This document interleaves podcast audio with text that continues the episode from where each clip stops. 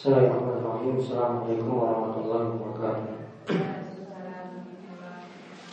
Alhamdulillahirrahmanirrahim Wassalatu wassalamu ala ashrafil anbiya wal mursalin sayyidina Muhammad wa ala alihi wa man tabi'ahum bi ihsan ila yaumiddin. Allahumma anfa'na bima 'allamtana wa 'allimna ma yanfa'una wa zidna ilma. Allahumma aslih lana dinana alladhi wa ismata amrina wa aslih dunyana allati fiha ma'ashuna wa aslih akhiratana allati fiha ma'aduna. واجعل الحياة زيادة لنا في كل خير واجعل الموت راحة لنا من كل شر Alhamdulillah para jemaah ibu-ibu sekalian yang semoga selalu dirahmati dan diberkahi oleh Allah Subhanahu wa taala. Pada kesempatan kali ini alhamdulillah kita masih diberi nikmat oleh Allah untuk duduk dalam majelis yang mulia dalam kajian tafsir kita yaitu tafsir surat Al-Kahfi. Terakhir kita membahas tentang kisah Khidir dan Musa. Dan kali ini kita melanjutkan hikmah-hikmah dari perbuatan Khidir. Hikmah-hikmah dari perbuatan Khidir. Silakan buka surat Al-Kahfi ayat 78 sampai 82 ayat 78 sampai 82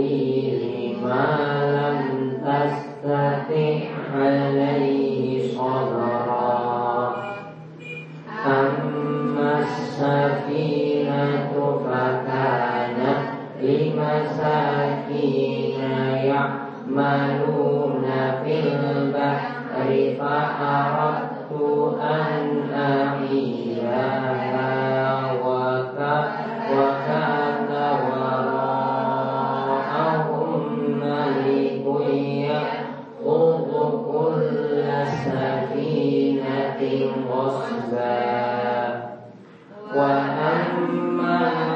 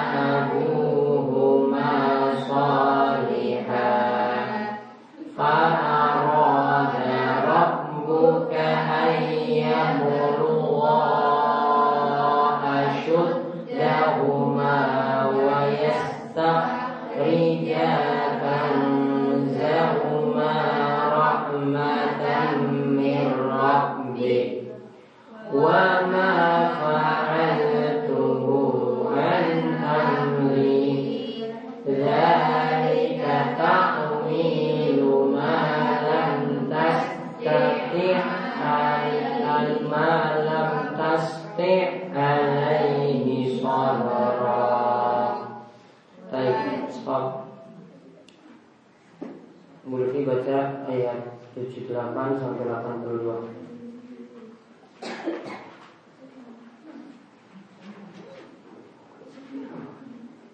Aku berlindung kepada Allah dari godaan setan yang terkutuk. Adapun 78 Ia berkata, inilah perpisahan antara aku dengan engkau. Aku akan memberikan penjelasan kepadamu atas perbuatan yang engkau tidak mampu sabar terhadapnya. Adapun perahu itu adalah milik orang miskin yang bekerja di laut. Aku bermaksud merusaknya karena di hadapan mereka ada seorang raja yang akan merampas setiap perahu. Dan adapun anak muda kafir itu, kedua orang tuanya mukmin dan kami khawatir kalau dia akan memaksa kedua orang tuanya kepada kesesatan dan kekafiran. Kemudian kami menghendaki sekiranya Tuhan mereka menggantinya dengan seorang anak lain yang lebih baik kesuciannya daripada anak itu dan lebih sayang kepada ibu bapaknya. Dan adapun dinding rumah itu adalah milik dua anak yatim di kota itu yang di bawahnya tersimpan harta bagi mereka berdua dan ayahnya sampai dan ayahnya seorang yang soleh maka Tuhanmu menghendaki agar keduanya sampai dewasa dan keduanya mengeluarkan simpanannya itu sebagai rahmat dari Tuhanmu. Apa yang kuperbuat bukan menurut kemau kemauanku sendiri. Itulah keterangan perbuatan-perbuatan yang engkau tidak sabar terhadapnya. Baik. Kemarin faedah sampai faedah ke berapa? 100 69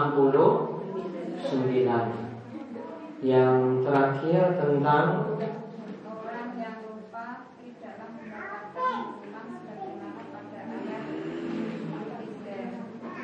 Orang yang lupa tidaklah mendapatkan hukuman. Seperti pada ayat 73 Baik. Jadi yang terakhir tentang orang yang lupa. Seperti yang terjadi pada Musa di sini. Yang pertama kali dia menegur Khidir dalam keadaan lupa. Maka segala sesuatu yang dilakukan dalam keadaan lupa maka tidak dikenai dosa. Ya segala sesuatu yang dilakukan karena lupa tidak dikenai dosa. Contoh ketika puasa pagi-pagi bangun langsung makan langsung minum ketika itu maka tidak dikenai dosa dan puasanya boleh dilanjutkan.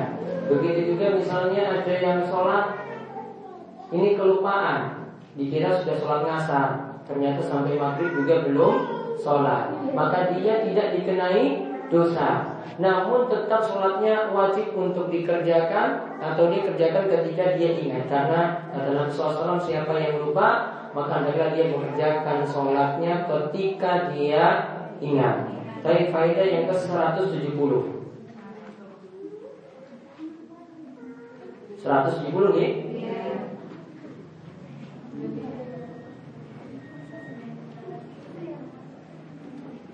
Hendaklah setiap orang ketika berinteraksi.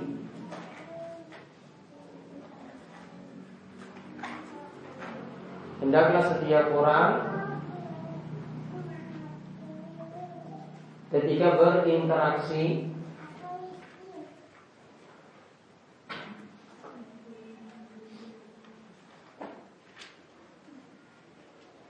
Hendaklah setiap orang ketika berinteraksi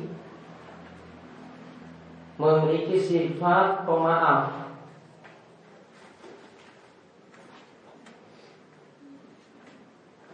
Memiliki sifat pemaaf.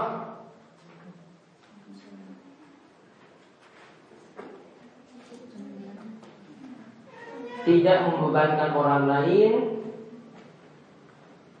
Memiliki sifat pemaaf tidak membebankan orang lain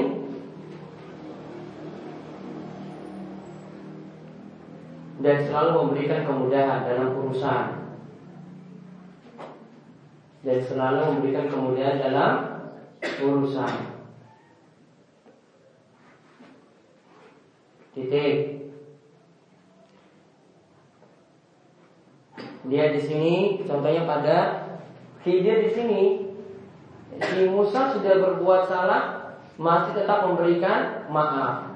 Dia tetap tidak membebani si Musa, tidak membebani Nabi Musa alaihissalam. Kemudian tetap juga dia memberikan kemudahan-kemudahan kepada Nabi Musa. Maka kalau dengan orang lain juga seperti itu. Ada yang salah, beri maaf. Walaupun mungkin terasa sakit, dia tetap juga minta bisa memberikan maaf pada orang lain. Walaupun mereka sakiti kita, namun tetap bisa memberikan maaf juga kepada mereka.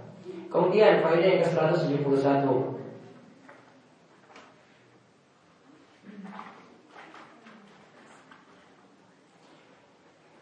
Menghukumi orang lain Menghukumi orang lain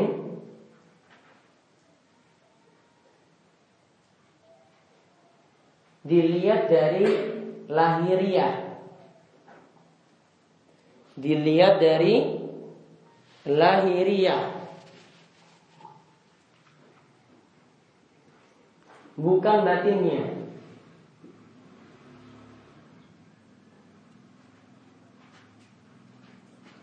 Menghukumi orang lain dilihat dari lahiriah bukan dari batinnya.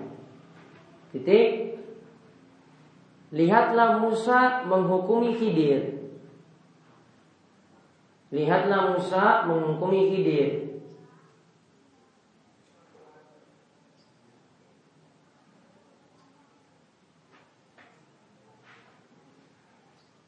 bahwa Khidir melakukan suatu kemungkaran.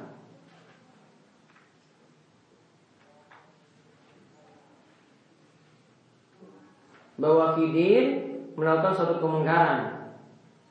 Seperti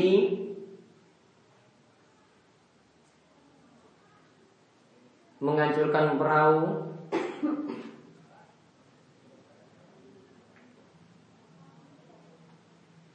Atau membunuh seorang bocah. Atau membunuh seorang bocah.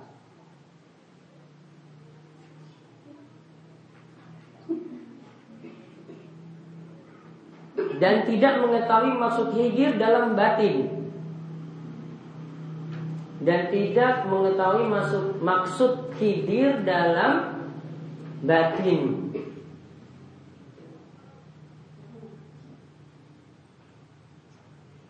tidak mengetahui maksud khidir dalam batin.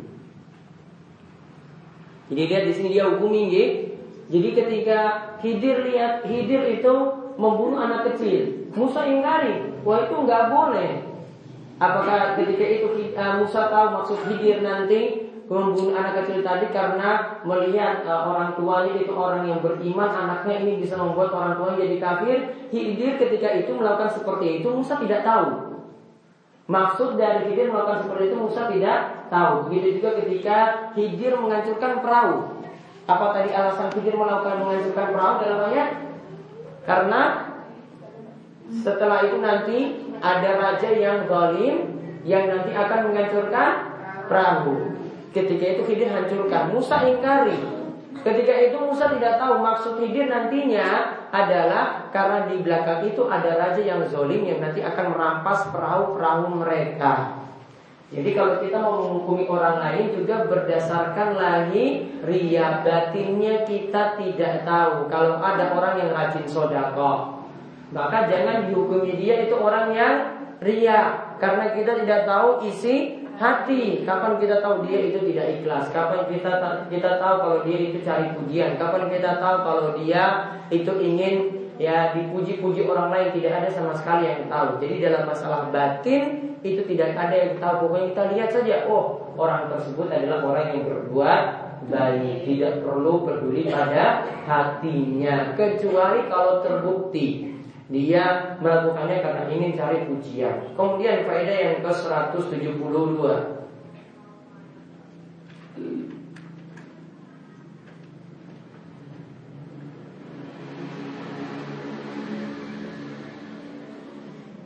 Kaidah penting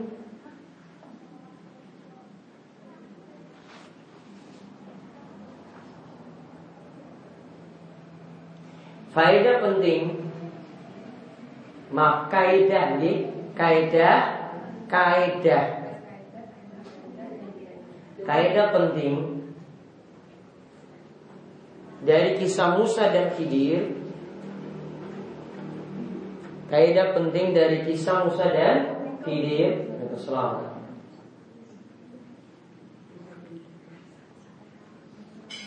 bahwa jika ada dua kejelekan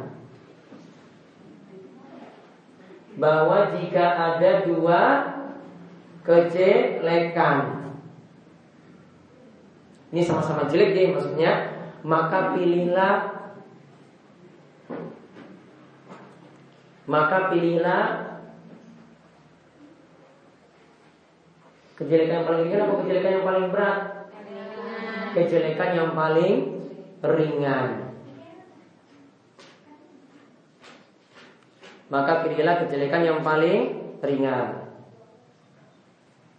Titik. Juga ketika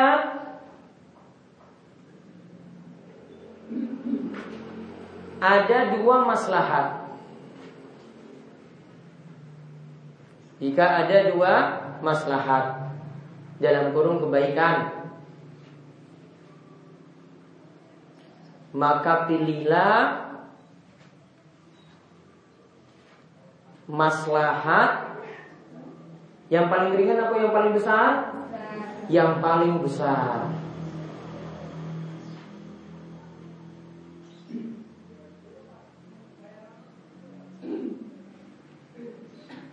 Coba di sini dari contohnya contoh Khidir membunuh seorang bocah.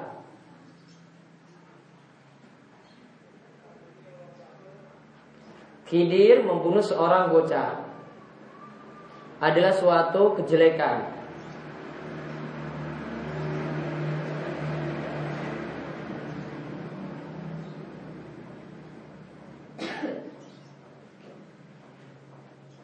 Namun kalau membiarkan dia Namun kalau membiarkan dia Yaitu bocah tadi ya Namun kalau membiarkan dia Maka kedua orang tuanya Akan ikut Kafir maka kedua orang tuanya akan ikut kafir.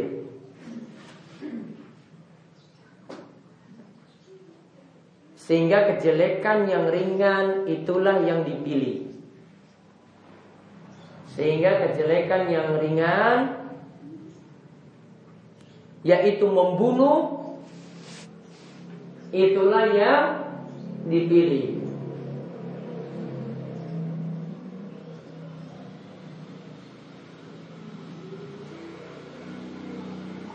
Yang titik dicatat lagi kejelekan dalam kejelekan pada nyawa kejelekan pada nyawa lebih ringan daripada kejelekan pada agama. Kejelekan pada nyawa itu lebih ringan daripada kejelekan pada agama. Tadi kejelekan pada nyawa contohnya tadi kita mem, membunuh. Tadi orang hidir mem, membunuh. Ini cuma kerusakan pada nyawa. Namun kalau dia anak ini dibiarkan hidup, maka orang tuanya agamanya itu jadi rusak. Ini kejelekan pada agama. Yang dipilih kejelekan pada nyawa. Jadi mempertahankan nyawa dengan mempertahankan agama mana yang lebih penting? Mempertahankan agama. Maka jangan orang korbankan agama cuma gara-gara eh, ingin mempertahankan nyawa. Yang lebih penting itu mempertahankan agamanya. Makanya sejak zaman dulu, coba lihat nanti di kisah Ashabul Ukhdud di surat Al-Buruz. Ya, di situ dikisahkan orang-orang beriman itu rela nyawanya itu diambil ketika mereka dibakar hidup-hidup dalam parit cuma gara-gara ingin mempertahankan agamanya. Saat bin Abi Waqqas ini seorang sahabat. Dia ini rela ketika itu dia tetap ingin tetap mempertahankan agamanya Islam. Pada waktu itu ibunya itu merengek-rengek terus, nggak mau makan berhari-hari. Dia merengek-rengek terus nggak mau makan berhari-hari tujuannya supaya saat bin Abi Waqqas ketika itu kembali lagi ke uh, ke agamanya dan dia kembali lagi ke agamanya kemusyrikan ya dia tidak mau makan berhari-hari sampai-sampai ibunya terus mohon seperti kamu harus tetap kembali kepada agamamu yang dulu. Saat tidak mau. Dan saat tetap mengatakan pada ibunya saya tetap ingin mengikuti agama Nabi Muhammad. Sampai akhirnya ibunya pun tetap makan diberi roti. Ketika itu saat tetap teman ibunya terus bu tetap ayo makan makan. Akhirnya dirayai terus tetap ketika itu makan ibunya. Ya walaupun awal-awalnya tetap saat itu dimusuhi maka mempertahankan agama itu lebih lebih besar kepentingannya daripada mempertahankan nyawa. Kaidah ini juga bisa berlaku lihat, kaidah ini juga bisa berlaku. Kita pilih kejelekan yang lebih ringan. Ya, kejelekan yang lebih ringan daripada kejelekan yang lebih besar. Nah, lihat misalnya kita tahu bahwasanya kalau menutup aurat, ibu-ibu itu adalah menutup itu seluruh tubuh kecuali wajah dan telapak tangan. Jadi yang sempurna jilbabnya ikut jilbab yang besar, ya bukan jilbab yang kalau anak-anak sekarang itu katakan nanti kalau pulang itu tinggal diikat aja jadi kayak selayar. Tahu kayak jadi kayak selayar? Nah itu yang jilbab jilbab segi empat itu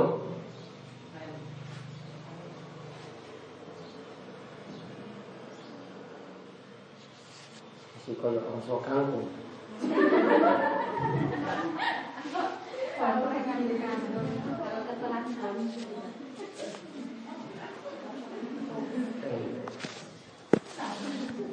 Masalah kalau sahurnya enak.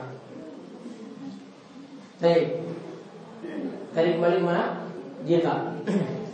Jadi ada yang pakai jilbab dan dan ada kerusakan kalau pakai jilbab yang kecil itu masih tetap menutup kepala. Ya, dia masih tetap menutup kepala daripada tidak memakai sama sekali. Kalau tidak memakai sama sekali berarti lebih terbuka, rambutnya lebih kelihatan ketika itu. Mana yang dipilih? Apakah ketika itu kita biarkan dia tidak tutup kepala sama sekali atau menyuruh dia pakai jilbab namun tadi cuma menutup bagian kepala saja tidak sampai ke dada. Maka ketika itu pilih yang paling ringan. Namun kalau bisa pakai yang besar ya kita pakai yang besar. Ya ini lebih ini. Namun kalau ada beberapa orang yang belum, maka ketika itu ada solusi memberikan yang kecil, yang mendingan itu yang lebih dipilih daripada dia tidak menutup rambut kepalanya sama sekali. Memilih kejelekan yang lebih ringan daripada dia ketika itu tidak menutup kepalanya sama sekali. Ini masih lebih ringan dan masih banyak diterapkan dalam perkara-perkara yang lainnya. Kemudian faedah yang ke 173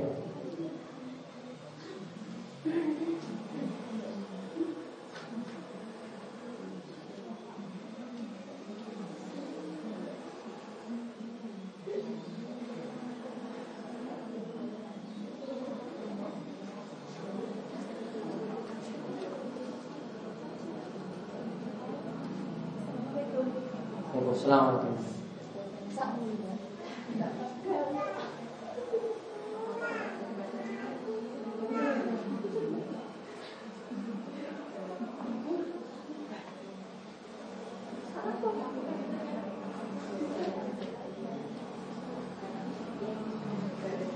Jika seseorang ini kaidah penting lainnya, tulis faedah 173.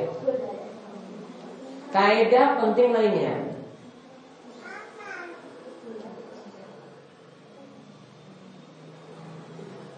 Kaidah penting lainnya. Jika seseorang merusak barang orang lain merusak barang orang lain tanpa izin. Jika merusak barang orang lain tanpa izin. Namun di situ ada maslahat yang besar. Namun di situ ada maslahat yang besar.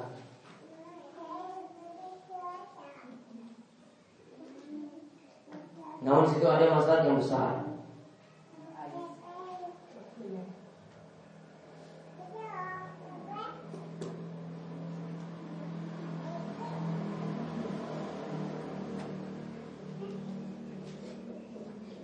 Maka itu dibolehkan Maka itu dibolehkan Seperti Khidir menghancurkan perahu. Seperti Khidir menghancurkan perahu. Tanpa izin Karena ada kepentingan yang besar Karena ada kepentingan yang besar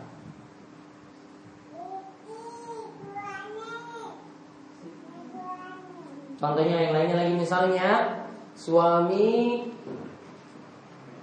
biasa mengamalkan buku primbon. Kemudian ketika itu istri ambil diam-diam, terus diobong, dibakar tanpa izin. Kira-kira ini kerusakan atau tidak kalau tetap dibaca? Kerusakan. Maka dibakar tanpa izin boleh karena kerusakannya lebih besar nanti cuma beritahu buku sudah dibakar karena seperti itu tidak boleh dibaca. Namun kalau bisa beritahu baik-baik itu lebih bagus. Namun kalau ngeyel ya bisa lakukan seperti tadi.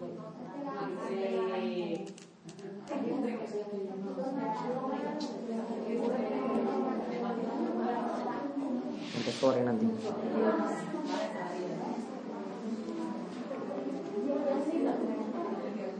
Kemudian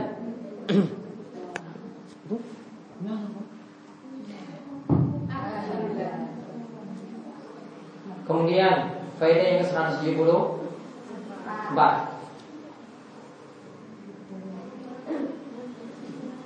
Faedah lagi dari ayat yang kita bahas Tadi ada yang punya perahu itu yang maluna fil Dia itu bekerja di laut maka orang yang bekerja di laut sebagai nelayan itu boleh. Maka faedah ke-174 bekerja di laut bekerja di laut itu dibolehkan sebagaimana di darat. Bekerja di laut itu dibolehkan sebagaimana di darat.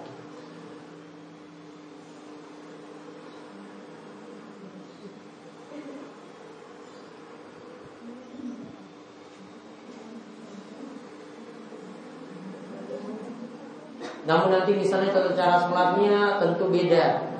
Ya, tata cara sholatnya tetap ketika itu Memperhatikan aturan-aturan. Misalnya sholat wajib.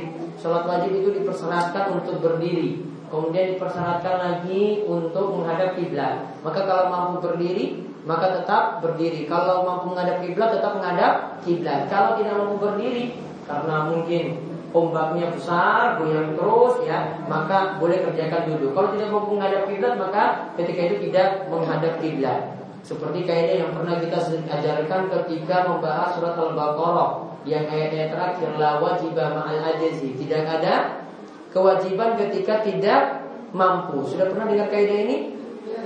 Tidak ada kewajiban ketika tidak mampu. Pembahasan surat apa dulu? Hmm? Mini yang amana rasul bima unzila ilaihi min rabbih wal mu'minun. Kullun amana billahi wa malaikatihi wa kutubihi wa rusulihi. La nufarriqu baina ahadin min rusulihi.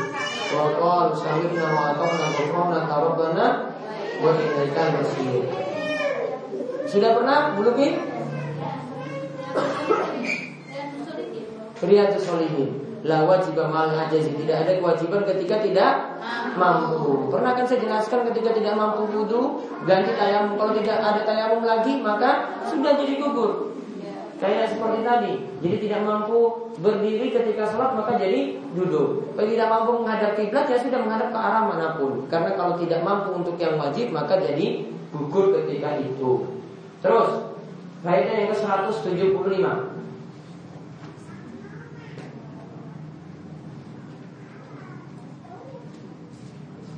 Orang yang disebut miskin. Orang yang disebut miskin.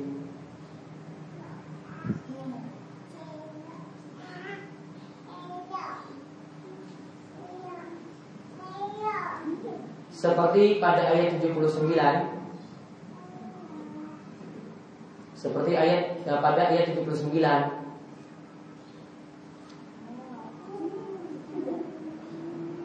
adalah orang yang memiliki harta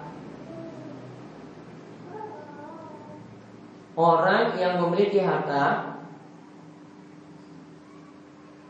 Jadi boleh jadi dia punya motor Boleh jadi dia punya rumah boleh jadi dia punya istri ya punya. Ya. Namun tidak mencukupi kebutuhannya. Namun tidak mencukupi kebutuhan pokoknya, ditambah pokok. Namun tidak mencukupi kebutuhan pokoknya.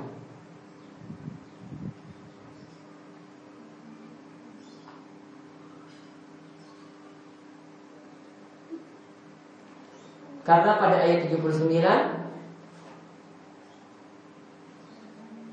disebut miskin namun punya perahu. Disebut miskin namun punya perahu.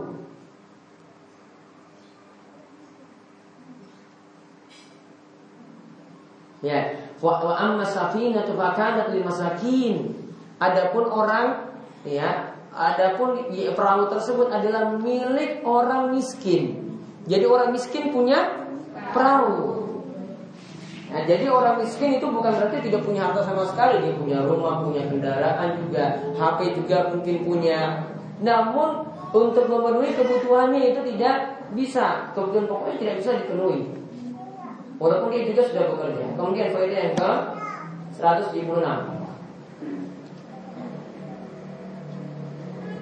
Membunuh orang lain termasuk dosa besar. Membunuh orang lain termasuk dosa besar.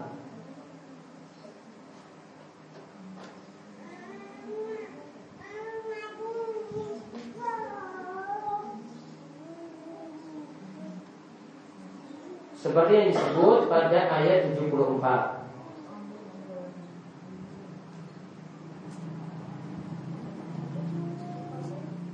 Seperti pada ayat 74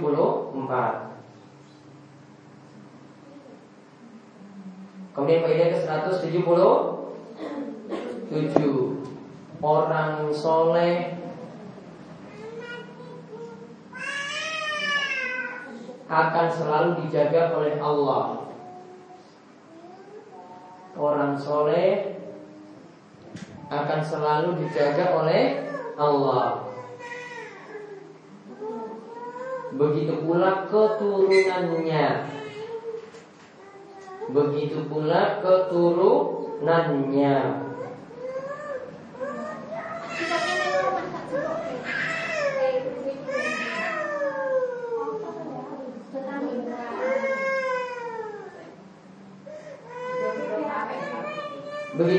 keturunannya Seperti disebut pada ayat 82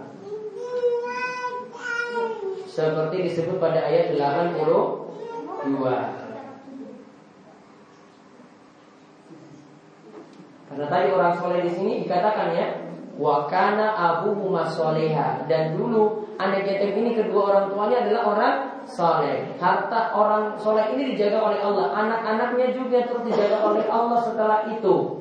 Karena dalam kisah disebutkan Khidir itu membangun tembok yang ada di rumah mereka ya membangun tembok yang ada di rumah mereka artinya Allah suruh hidir seperti itu supaya ini penjagaan kepada dua anak yatim tadi maka ini menunjukkan bahwasanya orang solehnya itu dijaga keturunannya juga dijaga maka inilah faedah dari orang yang menjaga aturan Allah seperti kata, kata Ibnu Rajab orang yang menjaga aturan Allah keturunannya juga terus dijaga oleh Allah. Kalau dia terus ibadah maka keturunannya juga akan terus dijaga oleh Allah. Terus yang berikutnya lagi faedah ke 178.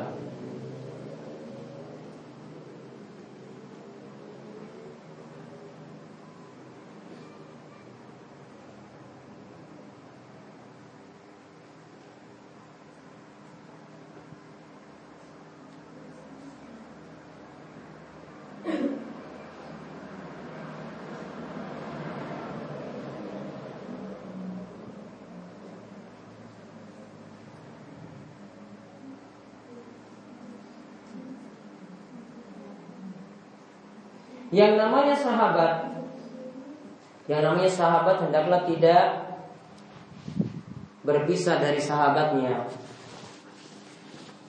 Yang namanya sahabat Hendaklah tidak berpisah dari sahabatnya Dalam segala kondisi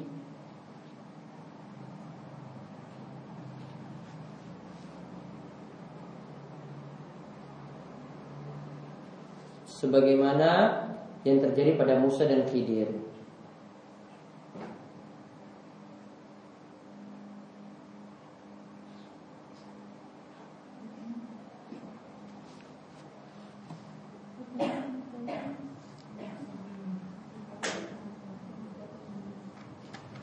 Baik, itu dulu yang kita bahas untuk kesempatan kali ini. Nanti masih ada sedikit faedah lagi dari kisah Musa dan Khidir nanti dibahas pada pertemuan berikutnya insya Allah. Ada yang ingin ditanyakan? Ya. Menemukan? Iya. Dalam HP itu kan ada pas hari itu ada nomor tiket. Terus kan HP itu satunya udah blok, bisa dihubungi otomatis HP itu disimpan di rumah. Terus pas hari berikutnya itu baru ada yang nyari-nyari gitu terus dikembalikan. Itu mau dikasih uang. Terus nggak mau. Tapi nggak mau dikasih uang terus di suatu hari dikasih barang. Itu boleh diterima atau tidak? Iya, itu diterima juga. Boleh diterima. Boleh diterima. Pas diberikan barang itu Iya, kalau mau terima bukan masalah, boleh dimanfaatkan. Iya. Misalkan kita bikin buka bersama, itu kelompok tiga orang. Terus yang dua orang itu, yang satu orang itu anu duitnya itu hasil main Terus itu kelompoknya itu membuat makanan. Itu halal enggak itu dimakan oleh orang Untuk orang lain halal, ya. Kalau uang tersebut hasil judi berarti cuma haram untuk yang main judi. Kalau dia salurkan untuk orang lain, ya. Satu keluarganya pokoknya nggak boleh manfaatkan uang itu, ya. Namun kalau ini dia misalnya menaktir orang lain hal untuk orang lain, namun masih dosa untuk dirinya. Dan ketika dia beri buka puasa, dia tidak mendapatkan pahala sodakoh. Karena Nabi katakan ya yang namanya Allah thayyibun la yaqbalu illa thayyiba. Allah itu thayyib tidak menerima kecuali dari yang thayyib dari yang halal. Berarti tidak dianggap sedekah, cuma mengeluarkan harta haram saja.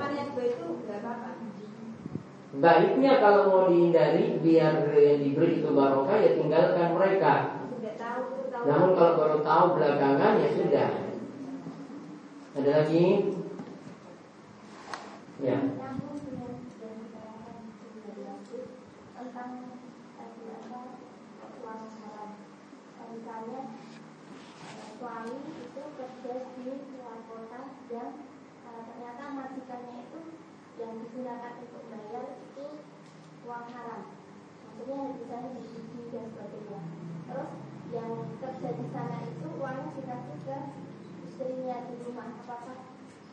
bayaran itu tadi juga termasuk uang haram atau tidak? Jadi majikannya, majikannya uangnya jadi Terus dikasih pegawainya. Uh, kalau suaminya itu kerja dengan cara yang halal, kemudian dibayar dengan uang yang haram, dosanya cuma dari majikan saja, tidak berpindah yang haram kepada pegawainya. Nanti pegawainya serahkan pada istrinya lagi tidak berpindah lagi yang haram karena sudah yang tadi dia cuma mendapatkan uang dari hasil yang halal. Ya, maka dia dapat dari pekerjaan yang halal, maka gajinya halal untuk dirinya. Yang haram tetap majikannya, jadi tidak berpengaruh. Ada lagi? Belum ini?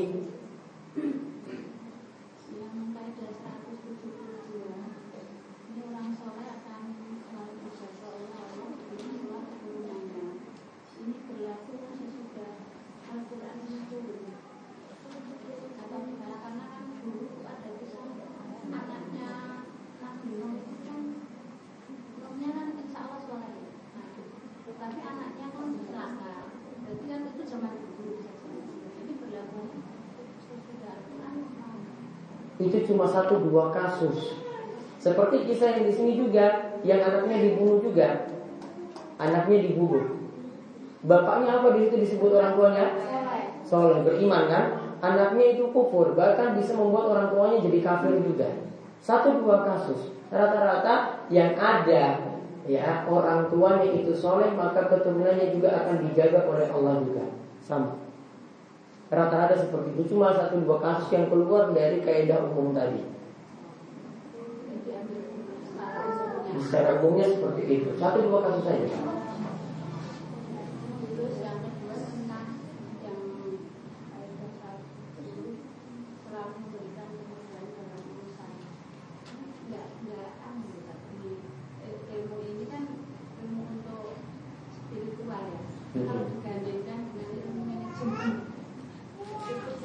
berlawanan. Gitu.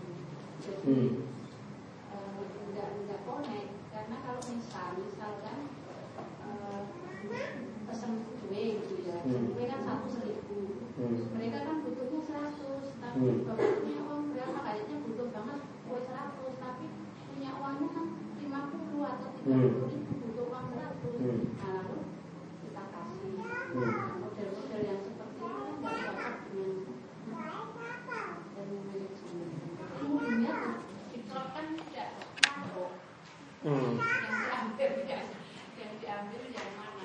Cuma anjuran saja kalau ada kita bisa beri kemudahan beri kemudahan.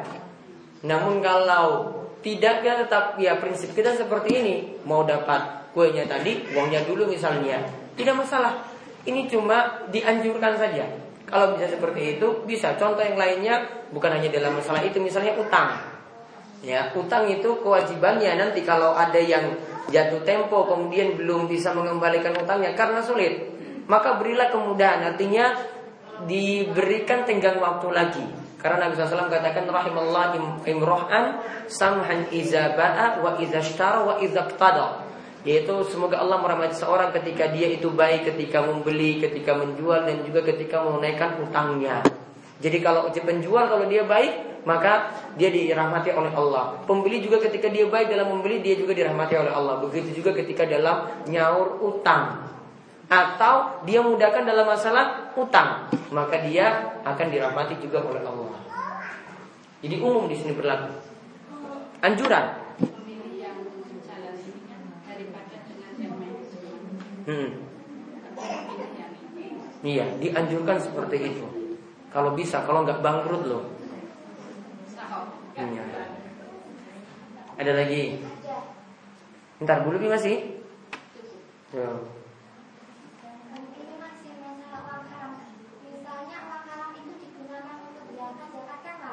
Iya. Itu tidak kewajibannya kalau kita zakat pakai uang haram. Yang ada kalau uang haram membersihkan harta. Dia tidak disebut sodako, tidak disebut zakat. Berarti uang haramnya harus dikeluarkan. Misalnya dia punya harta 200 juta, uang haramnya 100 juta. 100 juta tadi harus dikeluarkan.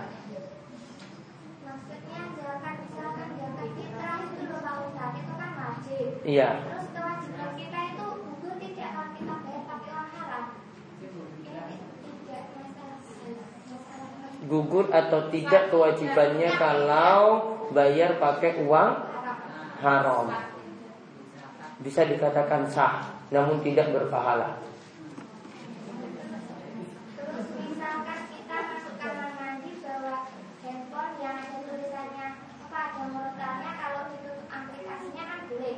Hmm. Terus kalau misalnya ada Al-Quran bawa ke kamar mandi tapi ditutup kresek atau ditutup apa pokoknya ditutup boleh nggak? Amannya taruh di luar. Namun sebagian ulama katakan kalau darurat masukin dalam jape yaitu dalam kantong misalnya atau dalam tas karena khawatir itu nanti hilang tidak masalah. Ada lagi? Kalau yang baju ada tulisannya misalnya yang dua merknya itu ada tulisan Arabnya Tulisan Arab tidak selamanya itu Al-Quran Kalau seperti itu orang Arab itu nggak bisa memasukin apa-apa dalam kamar mandi jadi sabunnya nggak bisa dia pakai, sampo tidak bisa dia pakai, odolnya tidak bisa dia pakai. Wong tulisan Arab. Iya nak? Iya. Masa cuma orang Indonesia saja yang boleh bawa masuk karena itu bukan tulisan ini Arab. Jadi dilihat itu Al-Quran atau bukan. Kalau itu Al-Quran berarti tidak boleh bawa ma masuk. Kalau cuma tulisan Arab, tulisan Arabnya misalnya dia tulis Pexoden tapi pakai tulisan Arab, ya boleh bawa masuk.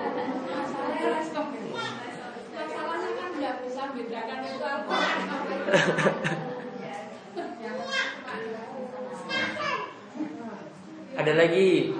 Hmm. Kemarin dijelaskan kalau kita menemukan eh, tulisan Al-Quran itu lebih baik kalau sudah tidak bisa dipakai itu dibakar. Ya. Kemarin. Hmm. Dibakar. Berarti kalau kita nemu secari kertas itu seperti itu kan ada yang buat bungkus apa gitu, itu boleh disimpan atau Bungkus apa tulisannya apa?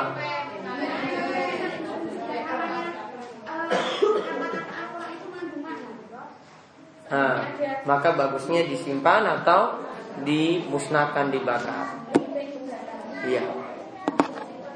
Ada lagi?